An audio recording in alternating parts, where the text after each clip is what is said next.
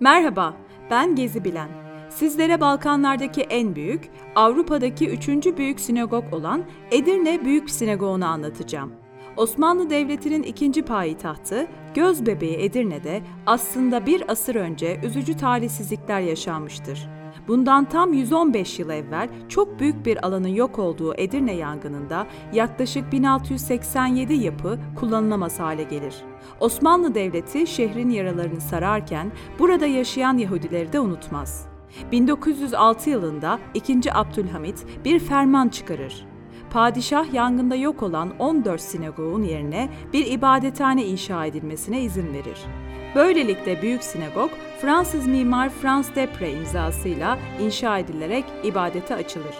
Uzun zamandır atıl kalsa da bu muazzam eser 2010 yılında restore edilmiş ve 2015 itibariyle yeniden ibadete açılmıştır.